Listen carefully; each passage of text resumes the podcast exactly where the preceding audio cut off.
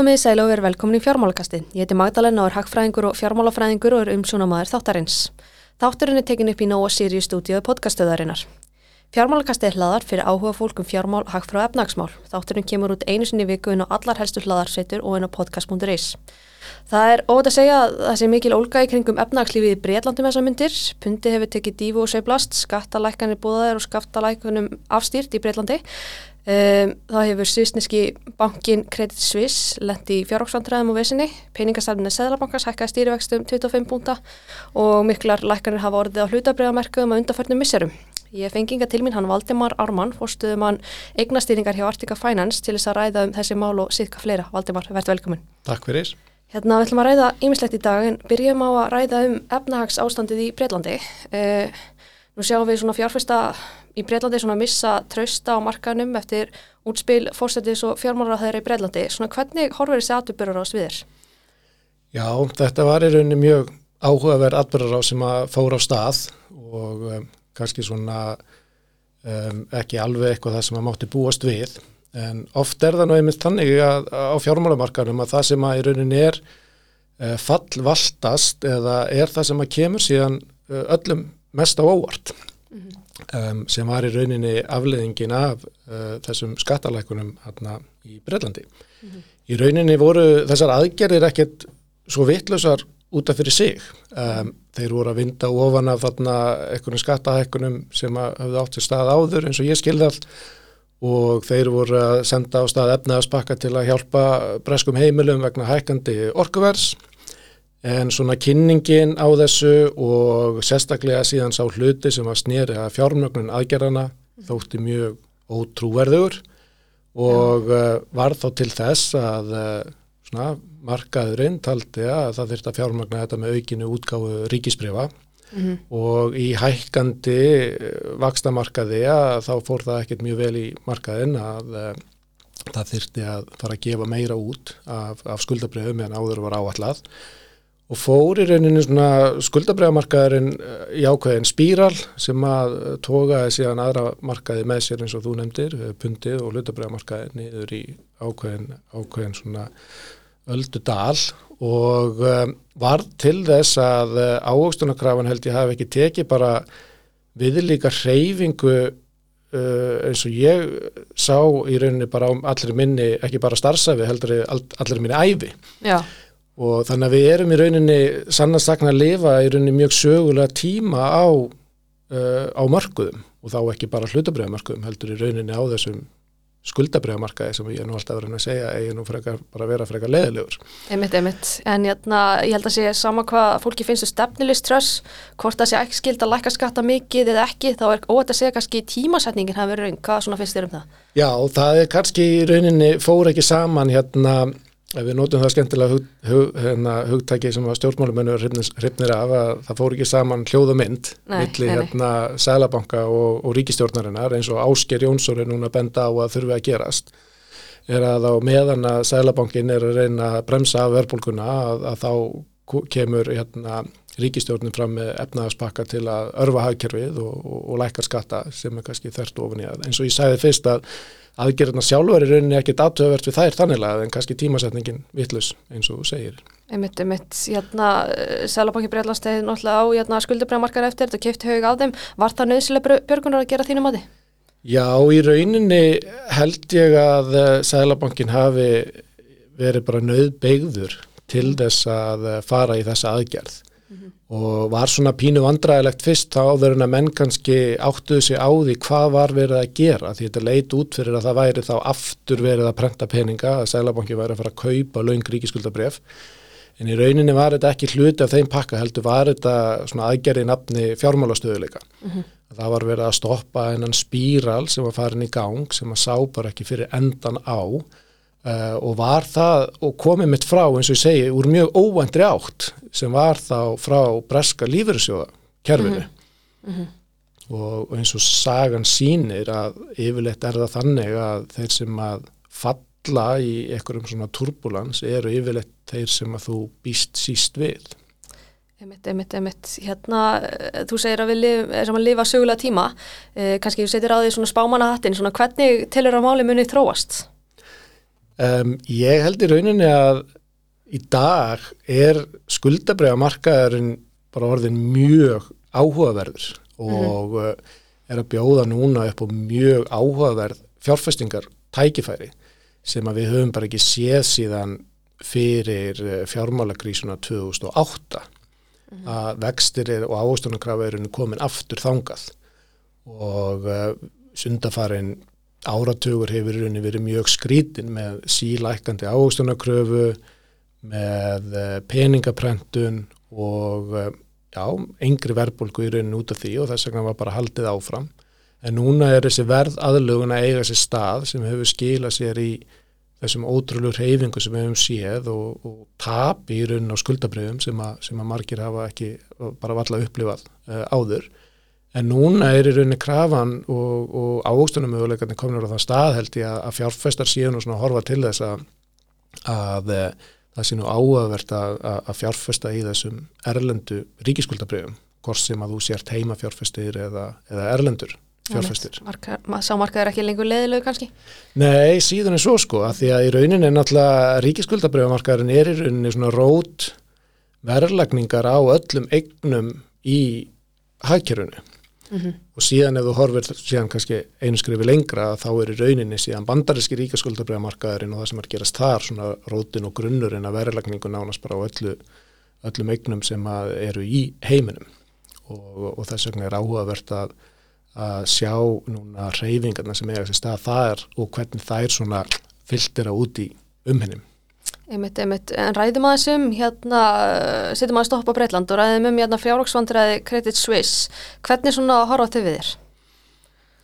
Já, Sábanki er búin að lenda í ymsu uh, undarfarið og uh, núna undarfariðið mitt hefur síðan hérna svona væntingar eða uh, líkur á gjaldtróti aukist ef maður er að horfa á skuldatryggingar álag.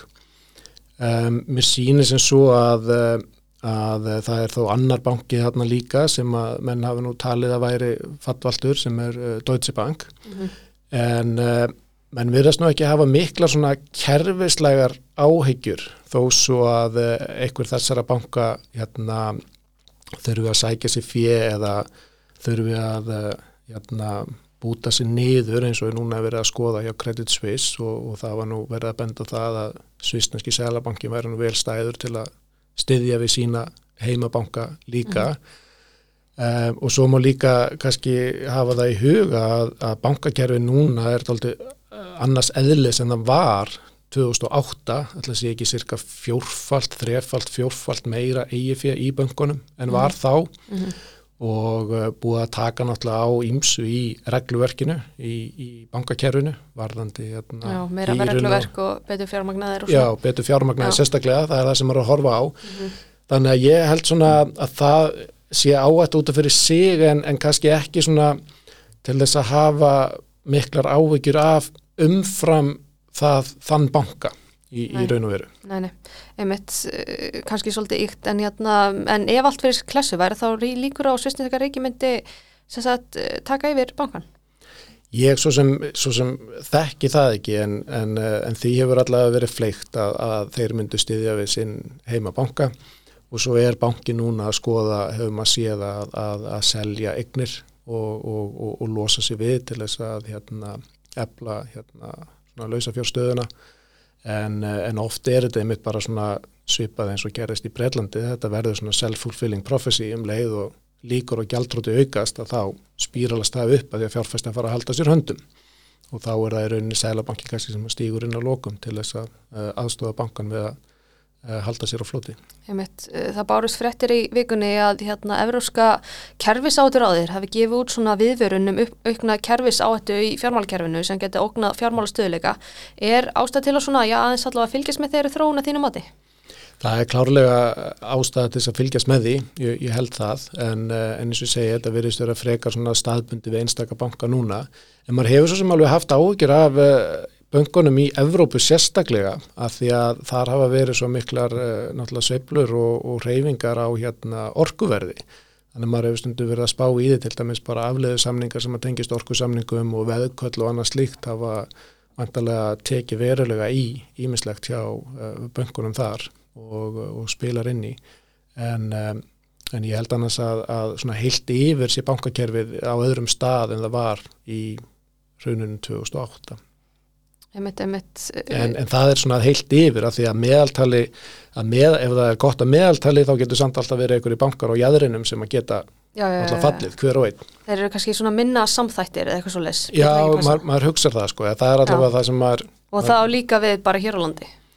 Já, já, akkurat, bankakerri hér er náttúrulega síðan uh, í rauninni enn önnur ella heldur en bankakerri úti held ég að því að við fórum náttúrulega í gegnum mun meiri svona þóttavél heldur en, heldur en erlendu bankarnir eftir 2008 þar sem að það var í rauninni hreinsað allt út og, og, mm -hmm. og, og balansítin miklu hreitni og svona venjulegri þannig að íslensku bankarnir eru nú tölur öðrum staðin þegar euróskvöld myndi maður segja. Emitt, emitt. Hérna nú ræður svona bandaríkjamarkaður oft svona miklu um þrún efnagsmáli heiminum uh, svona, já, vexir vextir þar hérna hafa verið svona hækkar, hækkaður undanfarið og vona á enn frekari vakstahækkanum og hérna fjárfæstar óttast að þetta getur verið hröð vakstahækkun uh, hérna teluru að við munum sjá einhvers konar krepp í bandaríkjunum næsta ári eða teluru að sé ekki hægt að því? Það er allavega líkur á því að kreppa sér framöndan hafa aukist töluvert. Og uh, spurning er hvað áhrif það hefur síðan á rekstur fyrirtækja og annað en það er einmitt áhugavert sem þú segir að það hefur verið að hækka vexti mjög rætt í bandaríkjunum og það er náttúrulega helgast að því að því að verðbólgan náttúrulega skust mjög rætt upp og Sælabankin er í rauninni töluvert á eftir kurfunni í því að mhm. hækka vexti í bandaríkjunum blessunarlega þá var Ísland til til að fljótt að grípa til vakstahækana. Voru ekki bara nánast fyrst? Við vorum bara fyrst, þarna í mæ um, í fyrra og, uh, og vonandi er okkar uh, hækkunum verðli bara ljúka núna. En bandaríkin er á eftir og þau eru að hækka og, og menn hafa alltaf verið að íta vaksta hækkunum væntingunum ofar og ofar og, og menn eru átt að segja á því loksins bara fyrir nokkru mánuðum að það þyrti að hækka vexti og seglamanki myndi standa við það. Þetta hefur náttúrulega verið alltaf óhennilegt tímabil frá 2008 varandi það að vera með þess að rosalega lágu vexti Eh, og miklu peningaprentum síðan sérstaklega í kjálfarið á COVID var, var einfallega, það var hægt að gera það því að verðbólgan, hún leta ekki á sig kræla. Og þá gæti Sælabankin bara anda rólega. En, eh, en núna er verðbólgan farin vel á stað og þá þarf Sælabankin bara einfallega að taka í, í bremsuna og, og hækka vexti og, eh, og í rauninni það sem þeir gera, hvort sem að það sem er réttu eða raungu en til þess að, að drepa verðbólguna þá þurfa þeir að hæja á hækjörunu, það er að segja að atvinnlýsi þarf að aukast og fjárfestingar áform fyrirtækja þarf að hérna, minka, þarf, þarf að fækka og, og, og lókun alltaf ætti það að skila sér líklega í eitthvað skonar kreppu. -hmm. Þá er bara spurning náttúrulega að, að Sælabankin, sérstaklega í bandaríkinum, þarf að finstilla það að hann setji hagkerfið ekki of langt í kreppu. Mm -hmm. og núna vænta mennast núna og menn eru svona finstilla sig hvort að vextir verið hækkaðir upp í 4%, 4,25% eða 4,5% það er svona finstillingar aðrið en menn eru alltaf átt að segja á því að, að vextir í bandaríkjunum eru að fara þangað.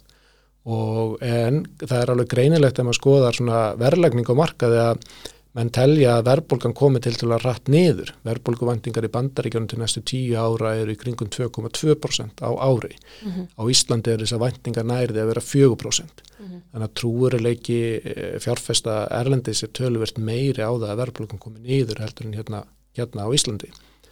Og þessi stefna í bandaríkjörnum sem hefur skilað sér náttúrulega í e, sífældri styrkingu dollarans síhækkandi uh, vöxtum uh, hefur síðan afliðingar í rauninni á svo margt annað, það er svo margt sem að er tengt dollarnum á einn eða annan hátt. Mm -hmm. Við sáum til dæmis hvernig uh, eh, Sælabanki Japan þurfti að verja jenið mm -hmm. og til þess að gera það þá þarf hann að í rauninni að öllu líkindu var hann einn af sölu aðilum á bandariskum ríkiskuldabrjöfum sem hann átti í gjaldarisforðanum sínum og önnu ríki eru núna svona daldið að fara í sömu vegfyrra þau þurfa að verja gældmilana sína að því að dollarin er að styrkjast svo mikið einmitt, einmitt, og í rauninni er svona bandaríkinn daldið með þessari styrkingu dollarins nefnilega að, að einhverju leitið svona flytja verbulguna út til annar landa Já. og það var svona, það áhugaverða kannski sem kom svona útspil sem maður sá alls ekki fyrir sér var það að hérna að, að United Nations senda út yfirlýsingum um það að Sælabanki bandaríkjana þurfa að hægja á sér allir hans í rauninni að drepa hafvöxtun í,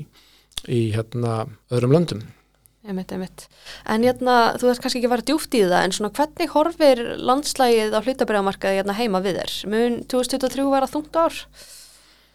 Já, mér er finnunni alveg fundist aðteglivert hvað Ísland hefur, uh, eða hvað Ísland fylgir í erlendu mörgum óbúslega vel eins og er. Við, markaðurinn sækir bara nánast daglega leiðsögn erlendis uh, í það hvað það eigi að gerast á markanum í það heima. Við sjáum það bæði í ríkiskuldabriðunum og svo á, á hlutabriðunum. Það sem hefur kannski ekki sérstaklega aðtekli undarfarið er að íslenski hlutabriðamarkarinn hefur jafnvel verið að lækka meira en erlendi markaðir Já, og samt eru við ekki að kljást við sömu vandamál eins og evrósk fyrirtæki sem er Nei, ekki nei. bara hækkandi vakstakostnaður og mögulega kreppa heldur einnig uh, síhækkandi orkuverð. Og það sem er náttúrulega svo slæmtu þetta háa orkuverð er eins og að það er í rauninni leggstu ofan á vakstahækkun að orkuver, hækkandi orkuverðsreikningar soga í rauninni allan kraft úr hækjöruna því að þú hefur þá ekki þann pening til þess að eigða í neyslu eða fjárfestingar. Þannig að það er bara hagvastar drepandi eitt og sér að eh, ráurur hækki svona mikið í, í verði. Einmitt.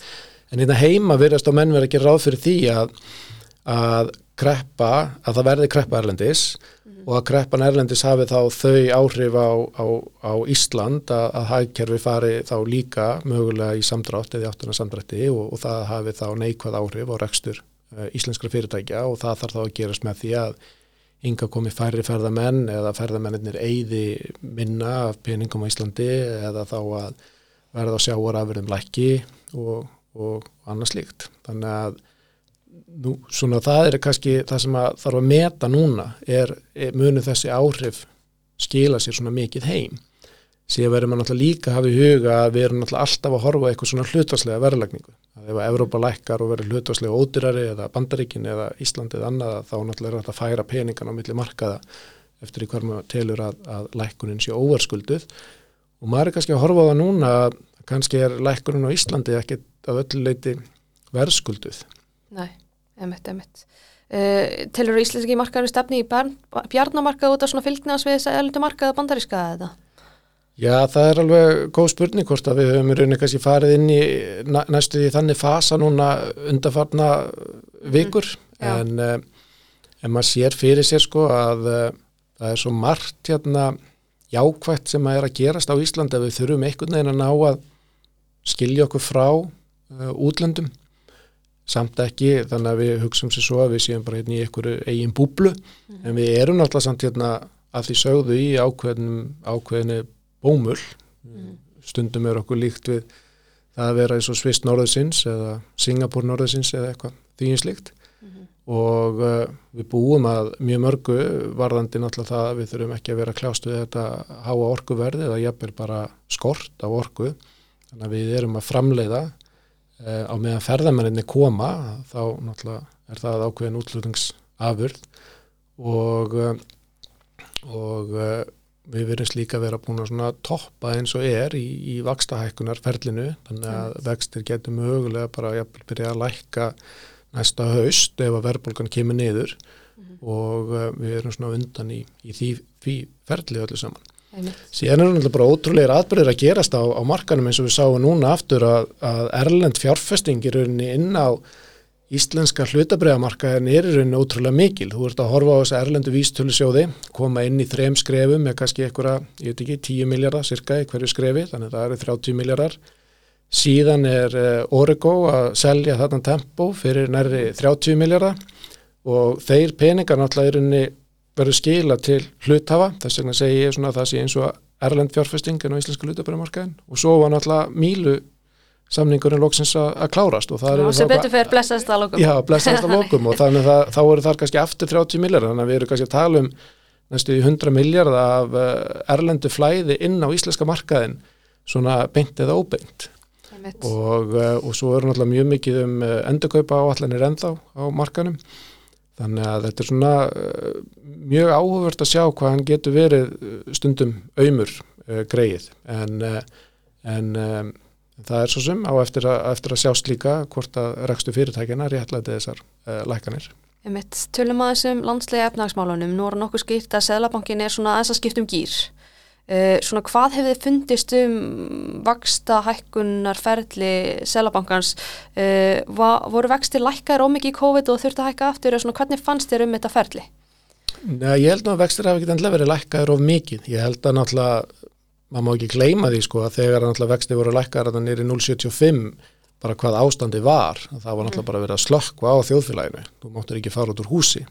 Þannig að eh, einhvern veginn þurfti að koma til móts við það með því að örfa hagkerfið og einlega til þess er að, er að lækka vexti Mhm. og, og síðan náttúrulega í rauninni leysist COVID og, og það fer alltaf stað aftur en, en það hefur íminskunar afleðingar uh, í, í formi náttúrulega hérna, alls konar hérna, ruðningsáhrifa vegna um, rugglings í hérna, aðfangakæðjum og, og hérna, hækkandi flutningskostnaði og, og öðru slíku sem að leiði þá til þess að verðbólgan fer að láta á sér kræla og að lókun þá þarf náttúrulega Sælabankin þá að kæla markaðin á einnið annan hátt og kannski svona sá hann ekki og hann er kannski ákveðin vorkun en hann, sá klárlega ekki fyrir hvað fastegnaverð myndi hækka mikið í, í kjölfarið á, á COVID og þessu, þessu lága vaxastígi.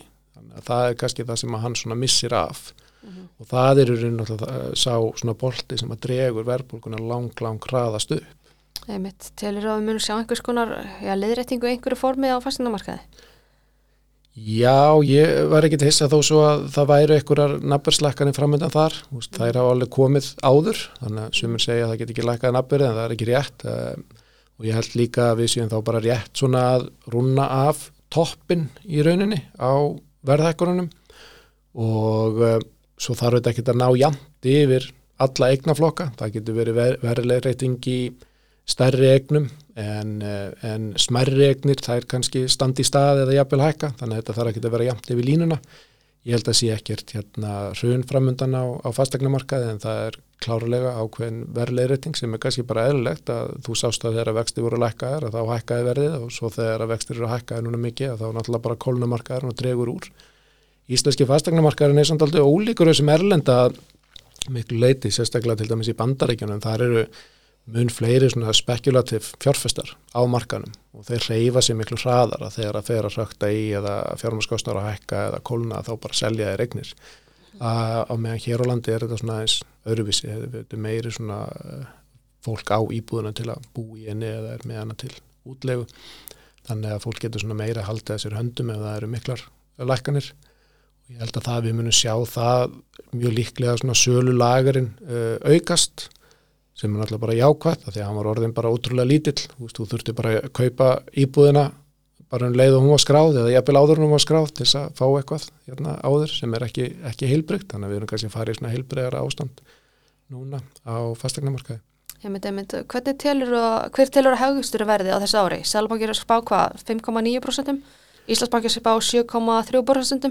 Einmitt. Hvernig, hérna, hvernig telur að hann verði? Kröftugur? Já, ég, maður gerir ráð fyrir að verði bara nokkuð, nokkuð kröftugur. Það er hérna, um, það verði ekki bara eitthvað stærn hérna á, á milli. Um, það er í rauninu svona fátt sem að er að sína þanniglega að, að, að íslenska hagkerfi sé svona að taka eitthvað svona brotsjó á sig þanniglega. Þannig að uh, hagvöstum áalveg koma aðeins niður. Þetta er svona ansi, ansi kröftugt. En uh, ræðandum eitthvað svona efnagstarir að þá hefur einmitt kannski komið einna helst á óvart hvað viðskipta afgangurinn hefur verið lélegur af því að hann hefur bara verið neikvæður á þessu ári. Og, og maður hefur svona búist við því að með öllu þessu sem hefur verið í gangi varðandi útflutning, allir ferðarmenni komnir aftur að þá hérna að þá myndum við svona búa til meiri gjaldari en við gerðum. Þannig að kannski var það Ásker Jónsson sem að dingsaði það að því að hann sagði að viðskipta ágangur væri orðin viðvarandi. Mm -hmm. þessi viðvarandi viðskipta ágangur er alveg, hefur ekki komið aftur og, og ég svona gerir áfyrir að hann sé rauninni bara á Teneríf núna eins og hann var að kvarta yfir að við séum að eigða öllum gældarinum okkar bara Teneríf og enga næslan í rauninni er, er aldrei haldið uppi, uppi þar einmitt, einmitt. Hérna, en eins og þátt á öður, þá enda ég þáttinn á léttunótonum. Hvað finnst þið skemmtilegast að gera utan vinnu? Þeir eru svona ekki að greina fjármálinn.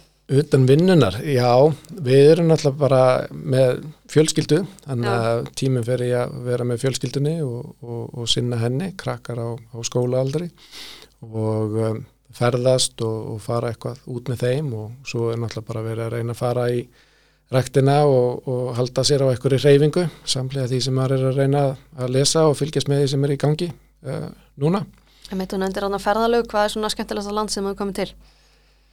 Heyrðu, við vorum nú um þetta á svona skíðasvæðin í rauninni heilla svona einna, einna mest. Það Já. eru svona skemmtilegustu ferðalögin er að fara eitthvað á, á skíði, Alpana eða, í, hérna, eða til Bandaríkjana og, og það eru svona ferðalögin þar sem að þú virkilega leggur hérna síman frá þér og, og kíkir ekki á neitt sem er að gerast og er bara að renna niður brekkurnar og ekkert að pæli því sem er í gangi. Meit, hvað ertu búin að vera lengi á fjármálamarkaði? Heyrðu, þú getur í rauninni eh, orðað þannig að ég sé búin að vera starfandi frá því á síðustu öld. Já, ok.